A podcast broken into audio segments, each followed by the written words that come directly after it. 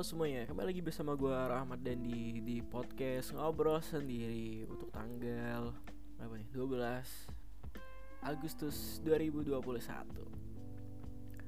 Ya, gue awali podcast ini dengan menanyakan kabar kalian. Bagaimana kabar kalian?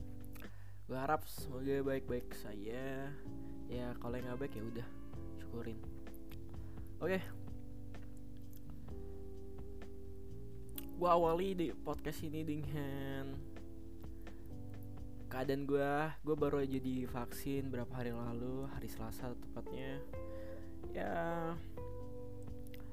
uh, efek sampingnya dari vaksin bagi gue itu ya cuma lino aja sih kayak pegel gitu tangan gue susah digerakin di bagian yang deket uh, penyuntikan vaksinnya tapi hal itu ngebuat gue gak bisa tadinya jadwal gue olahraga di hari besoknya.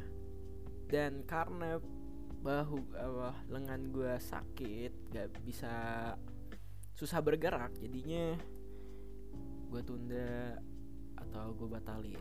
Padahal gue udah punya janji sama kawan SD gue ya sudahlah.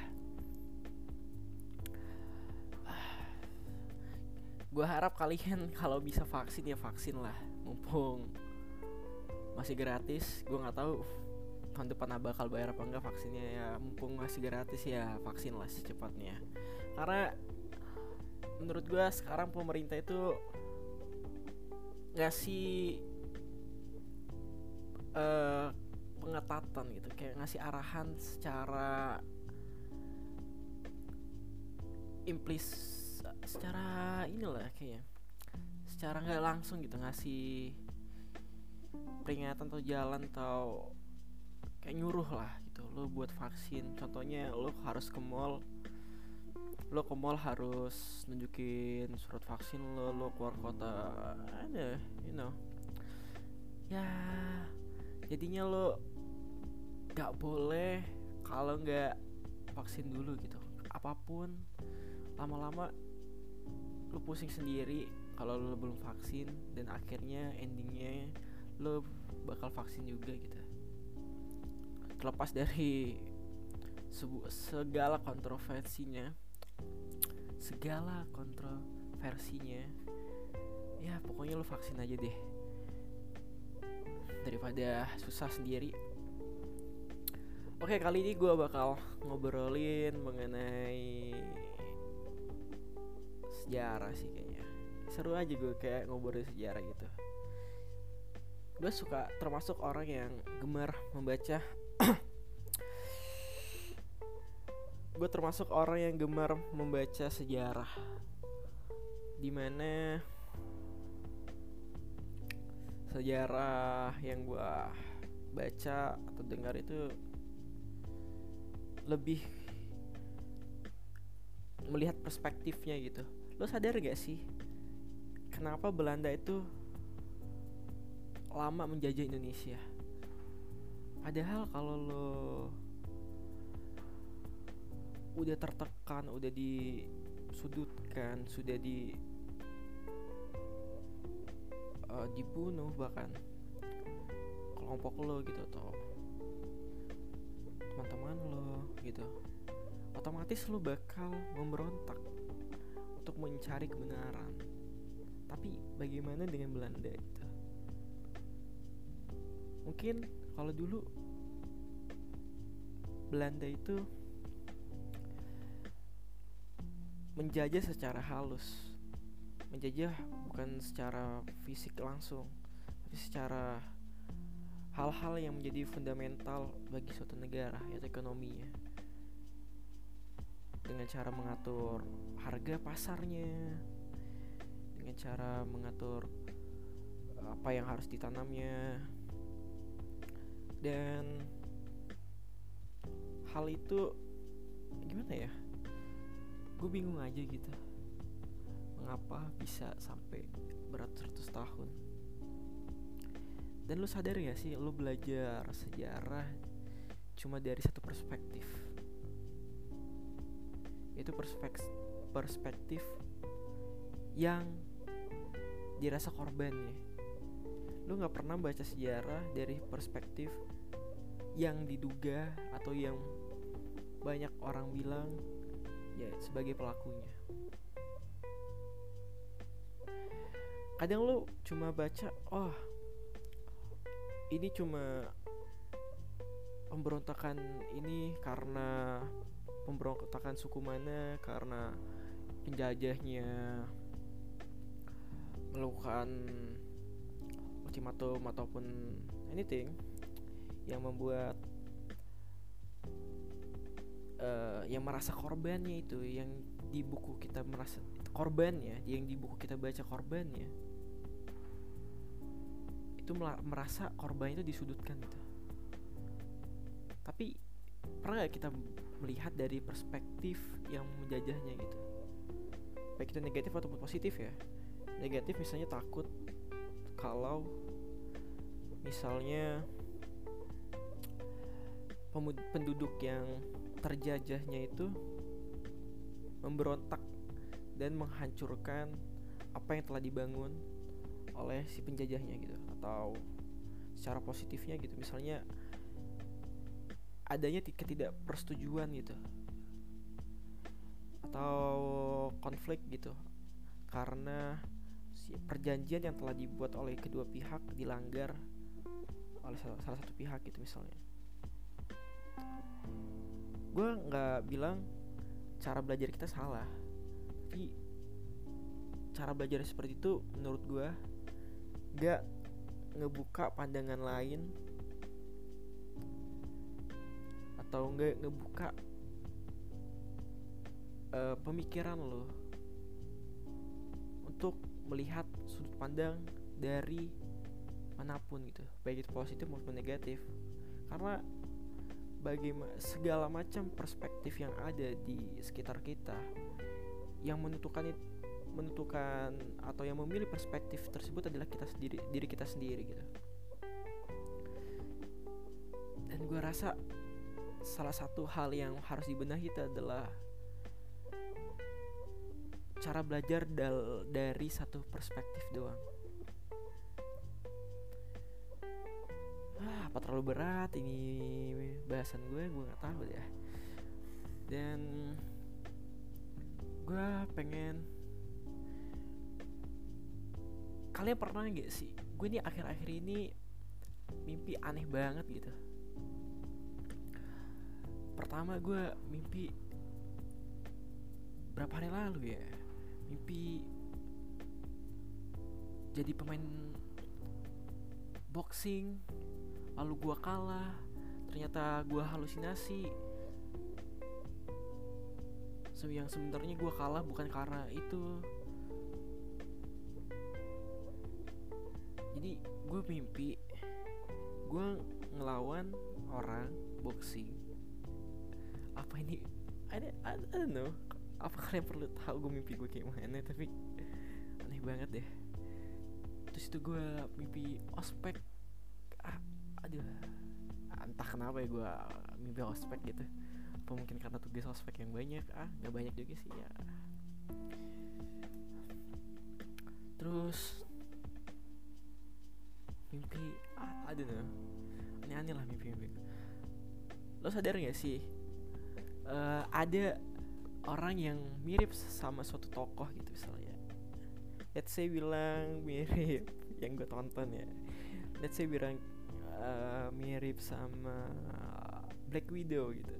Dan orang yang mirip sama Black Widow itu atau siapa? Gue lupa lagi namanya dia buat suatu video gitu.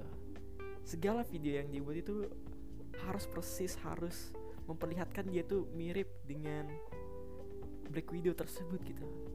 Lu pasti pernah lihat lah di real atau di video Instagram, TikTok atau Facebook mungkin nggak tahu gue Twitter. Lu pasti pernah lihat orang itu mungkin. Dan setiap video-videonya tuh harus menunjukkan bahwasanya dia tuh gue mirip loh gue mirip loh. Wah gue ini persis banget muka gue nih. Posturnya atau segalanya. Bahkan dia mengikuti gaya-gayanya I don't know man. Gue nggak kebayang orang itu harus berteduh di payung yang di mana payung tersebut dimiliki oleh orang lain gitu di mana payung tersebut bisa kapan saja dibawa ke mana pun oleh orang tersebut tanpa memikirkan atau mempedulikan orang lain yang berteduh di sana juga gitu. Aduh men. Menurut gue itu udah lah kalau lo misalnya mau membanggakan diri lo karena mirip seseorang gitu ya udah nggak apa-apa bagus. Ya terserah lo sih bagus apa enggak itu perspektif perspektif orang sih. Ya tapi ya udahlah lu nggak perlu berlama-lama di keadaan itu. Lu nggak perlu untuk berteduh di sana terus menerus sampai diri lo meninggal mati atau ah, nggak perlu lah gitu menurut gue karena ya nggak ada gunanya. Cuma lo tidak bisa menjadi diri lo sendiri gitu. Lo harus terbayang atau ya itulah lo gak bisa jadi diri lo sendiri. Gak menemukan esensi dari diri lo sendiri gitu. Banyak orang orang yang kayak gitu deh menurut gue dan gue rasa orang itu harus di harus dikasihani lah. Bukan dikasih bukan dikasih semangat itu. Dikasihani aja udah. Ah lu tuh ah lu. Udah kasihani aja orang-orang itu. Dan lu sadar gak sih? Ini gue bahas makanan ya gue gue nggak tahu deh gue cuma nyiapin yang gue resahkan ya. Lo sadar gak sih makanan vegetarian untuk orang vegetarian itu yang di mana orang itu merasa oh kok kayak rendang banget dagingnya berasa banget oh kayak soto ayam banget atau oh, soto ayam sih? Ya lu know man. Gue nggak pernah tahu bagaimana jenis-jenis makanan vegetarian atau kayak stick banget gitu stick daging banget. Apa mereka nggak gue nggak tahu ya apa makanan itu dikasih penyedap dari hewan tersebut yang dia rasakan itu apa gue nggak tahu. Tapi mustahil menurut gue jarang sekali sangat susah untuk menyamakan suatu rasa hewan sama dengan rasa tumbuhan gitu. Walaupun lu paduin apa pun kecuali lu kasih penyedap yang berasal dari hewan tersebut gitu. Jadi menurut gue apa mungkin orang yang berjualan makanan vegetarian untuk orang-orang veget vegan gitu know. Apa mereka gunain uh, bumbu penyedap buah dari hewan tersebut? Atau gak gue toh ya sama aja bohong. Sebagai sama aja penipuan gitu untuk oh untuk orang-orang vegan itu wah gue gue nggak mau menyakiti hewan gitu. Gue mau hewan itu hidup dengan kebebasan itu gue menyakitinya gitu. I don't know. Uh, perspektif mereka bagaimana yang jelasnya gitu. Tapi kalau mereka dilakukan seperti itu ya mereka sama aja ditipu ah dong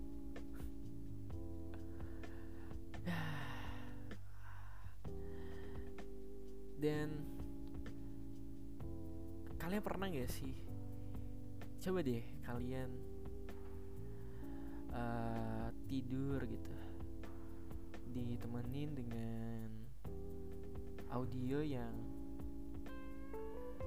bisa bisa tidak berkata ataupun cuma melodi gitu tapi dengan uh, melodi yang gimana ya podcast aja dengan pokoknya suara itu tidak mengganggu kalian gitu. Tapi apa namanya ya? Gue lupa nama istilahnya tapi gue aneh banget sih ini gue pernah tidur. Gue termasuk orang yang tidur itu harus dengar sesuatu gitu kayak podcast pun ya podcast lebih sih gue jadi gue pernah dengar pernah tidur dihantarkan dengan suara orang lagi masak gitu. Ada namanya youtuber Indonesia uh, siapa? Koko kuliner ya gue dia biasa ngevlog itu buat si goreng apa ya di restoran dia gitulah. Terus vlognya panjang vlog dia itu cuma memperlihatkan dia itu makan gitu.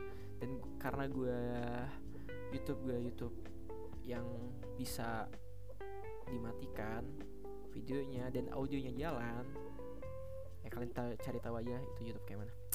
Dan kayak gitu gue kadang bisa tertidur karena denger uh, bunyi wok yang bunyi orang masak gitu di wok gitu. I don't know. Jadi gue bisa tidur gitu karena hal itu aja. Aneh banget ya. Ya gue nggak tahu keanehan kalian kayak mana. Gue kalau gue aneh karena seperti itu sih aneh gue gue yang dulu kayaknya beda banget sama yang sekarang gitu. Jauh beda mungkin. Menurut gue gue dulu lebih terbatas atau jarang mengungkapkan apa yang ada di pikiran gue gitu. bahkan anehnya lagi gue ditanya pertanyaan apa yang membuat lo? Gue dulu saking saking kayak apa ya saking polosnya atau saking uh, rasionalnya gitu apa yang membuat lo malu? gitu.